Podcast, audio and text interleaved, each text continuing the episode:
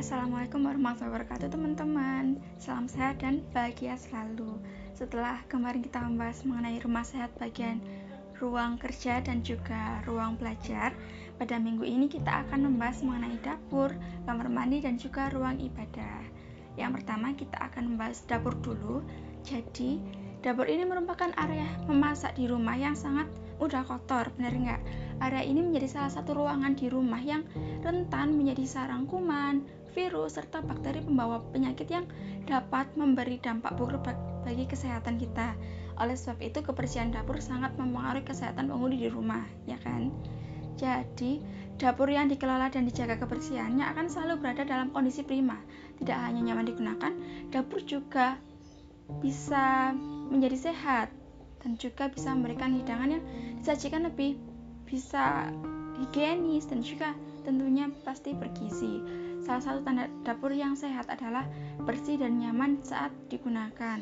Selain itu, sirkulasi udara dan pencahayaan di dapur pun harus baik. Agar dapur senantiasa bersih, nyaman, dan sehat, teman-teman dapat melakukan beberapa hal berikut. Yang pertama, teman-teman bisa menghadirkan ventilasi dan pencahayaan yang cukup. Jadi sebuah ruangan yang sehat memerlukan sirkulasi yang baik. Begitu pula dengan ruangan dapur. Apalagi saat memasak ya. Idealnya dapur harus memiliki ventilasi yang baik agar sirkulasi udara lancar dan terhindar dari kelembapan.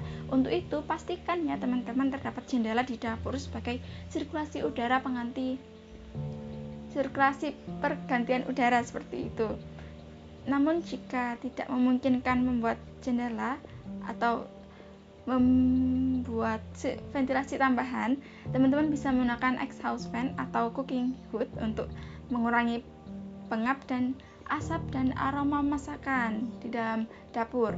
Selain itu, teman-teman harus memastikan ya dapur harus juga memiliki pencahayaan yang cukup.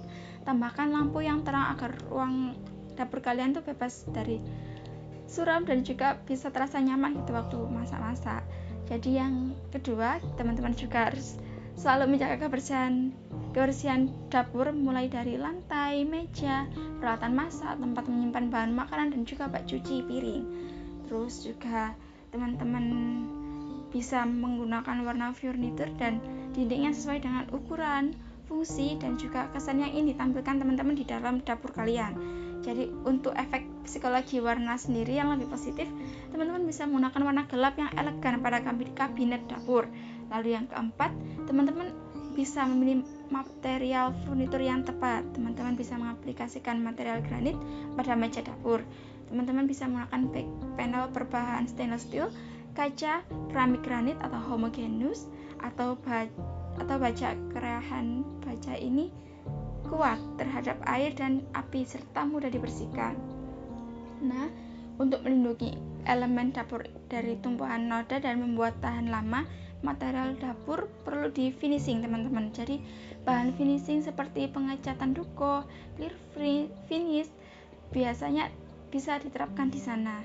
Selain cat pilihan tempat pelapis pun beragam mulai dari taken, veneer, PVC atau HBL dapur itu merupakan area yang rentan kotor ya seperti yang saya sebutkan sebelumnya sehingga perlu cat khusus untuk memuas dindingnya terutama dinding yang diharapkan yang dihadapkan langsung pada kompor gitu jadi teman-teman bisa menggunakan cat berbahan dasar minyak karena karakternya tuh lebih licin gitu dan hasilnya lebih glossy atau mengkilap gitu jadi cat jenis ini tuh juga bisa menolak air karena kandungan minyak di dalamnya yang kelima, teman-teman juga bisa masukkan tanaman ke dalam dapur agar dapat mengusir racun di udara.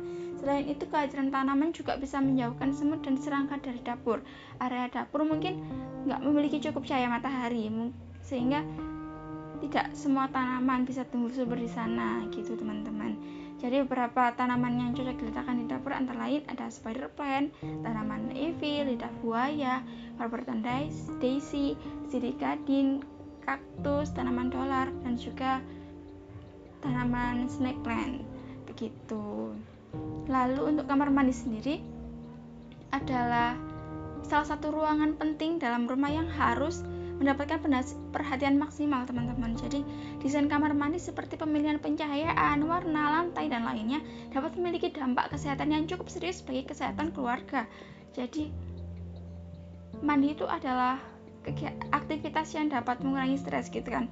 Meningkatkan sirkulasi udara eh sirkulasi darah meningkatkan kekebalan tubuh dan juga merupakan aktivitas detoksifikasi yang akan menghilangkan racun-racun di dalam tubuh oleh karenanya desain kamar mandi harus bisa mendukung dan memberikan suasana positif nyaman menenangkan dan juga tentunya menyehatkan karena karena itu teman-teman harus memperhatikan beberapa hal berikut ini. Yang pertama yaitu menyediakan air bersih yang cukup di toilet baik secara kuantitas maupun kualitas untuk mencegah penyakit seperti kudis, diare hingga hepatitis.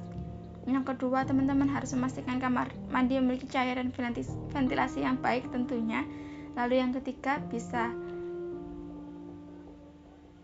memperhatikan warna untuk kamar mandi. Jadi, untuk kebutuhan masyarakat modern benar peran kamar mandi ini semakin kompleks gitu kan. Kamar mandi pada zaman sekarang itu bisa dijadikan sarana untuk membersihkan sekaligus memanjakan diri gitu. Jadi pengaruh psikologi warna netral itu bisa memberikan kesan rileks gitu yang dapat mendukung suasana relaksasi di kamar mandi.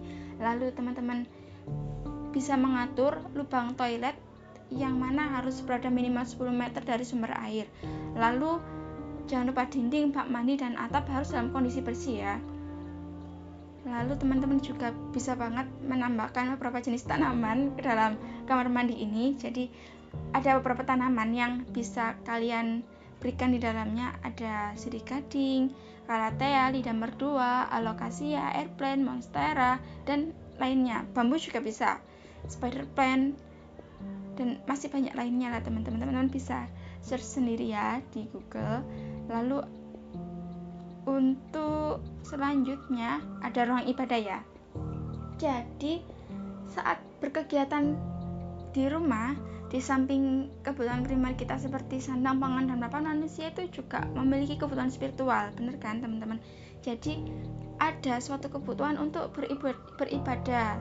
Karena kegiatan di luar rumah seperti di masjid itu saat sekarang ini dibatasi banget kan. Akhirnya banyak orang yang menginginkan memiliki ruang pribadi untuk melakukan ibadah di rumahnya. Nah, pada dasarnya untuk aktivitas beribadah sebenarnya tidak perlu ya memerlukan ruangan yang besar kalau keluarga kalian adalah keluarga yang kecil. Namun kalau ruangan eh kalau anggota keluarga kalian banyak memerlukan juga yang lebih besar untuk sholat berjamaah misalnya seperti itu. Paling tidak ruangannya itu bisa berfungsi sebagai tempat ibadah sekaligus melepaskan diri dari segala sesuatu yang bersifat duniawi gitu. Jadi disetting untuk bisa menjadi tempat yang menenangkan kita gitu dan juga semestinya jika sebuah ruang ibadah dapat membantu meningkatkan kualitas ibadah itu sendiri gitu kan jadi ada beberapa hal yang dapat teman-teman lakukan untuk mendesain ruang ibadah. Yang pertama, teman-teman bisa memilih posisi yang tepat di sebuah ruangan kalian. Jadi, area yang dipilih untuk digunakan sebagai tempat ibadah itu pastinya harus yang menenangkan ya. Harus yang mempengaruhi kekhusukan ibadah itu sendiri. Misalnya jika tempat ibadah tersebut dekat dengan kamar mandi, maka bisa jadi akan terganggu dengan bau yang tercium atau anggota yang akan keluar masuk ke dalam kamar mandi tersebut. Jadi, teman-teman bisa mempertimbangkan kembali baik-baik soal penempatannya ya. Teman-teman juga bisa memilih posisi, memilih posisi yang dekat dengan halaman rumah sehingga ketika melakukan ibadah teman-teman bisa lebih nyaman dan terasa sejuk karena mungkin dekat dengan vegetasi juga kan. Lalu teman-teman juga bisa memilih ruang warna ruang yang cocok. Jadi ketika beribadah terkadang ya beberapa orang membutuhkan suasana yang hening dan atau setidaknya minim gangguan suara lah. Jadi sebenarnya ruang hening itu eh suasana hening itu bisa didapatkan dari pemilihan warna dinding ruangan yang tepat. Teman-teman bisa menghindari warna-warna terang yang bisa mengesankan keramaian atau memilih warna putih ya. Sebenarnya warna ini warna yang netral tapi bisa mengesankan aura yang dingin begitu. Jadi untuk memberi kehangatan, teman-teman bisa menggunakan lantai granit atau parket dengan warna yang agak gelap. Teman-teman juga bisa memilih warna hijau karena warna ini memiliki unsur alam. Warna ini diyakini dapat membawa ketenangan dan merupakan simbol dari keseimbangan dan juga harmonisasi begitu. Nah, itu aja beberapa ide yang bisa teman-teman terapkan saat ingin merancang dapur, kamar mandi, dan juga ruang ibadah di masa pandemi COVID-19 ini. Gitu teman-teman. Untuk informasi lebih lengkapnya, teman-teman bisa cek Instagram kita di @kkndruinsa underscore 2021. Kita juga punya YouTube namanya kkndruinsa 2021 dan juga jangan lupa kunjungi blog kita di kkndruinsa.blogspot.com kami sampaikan bahwa hari ini bahwa podcast kali ini adalah podcast podcast terakhir kali kami sekaligus penutup dari podcast sebelumnya. Teman-teman bisa juga cek referensi animasi desain rumah saya di YouTube kita ya namanya kakak NDR Insa 2021 tadi yang saya sebutkan tetap jaga kesehatan dan patuhi prokes yang dianjurkan pemerintah. Terima kasih banyak teman-teman. Kami pamit undur diri. Wassalamualaikum warahmatullahi wabarakatuh.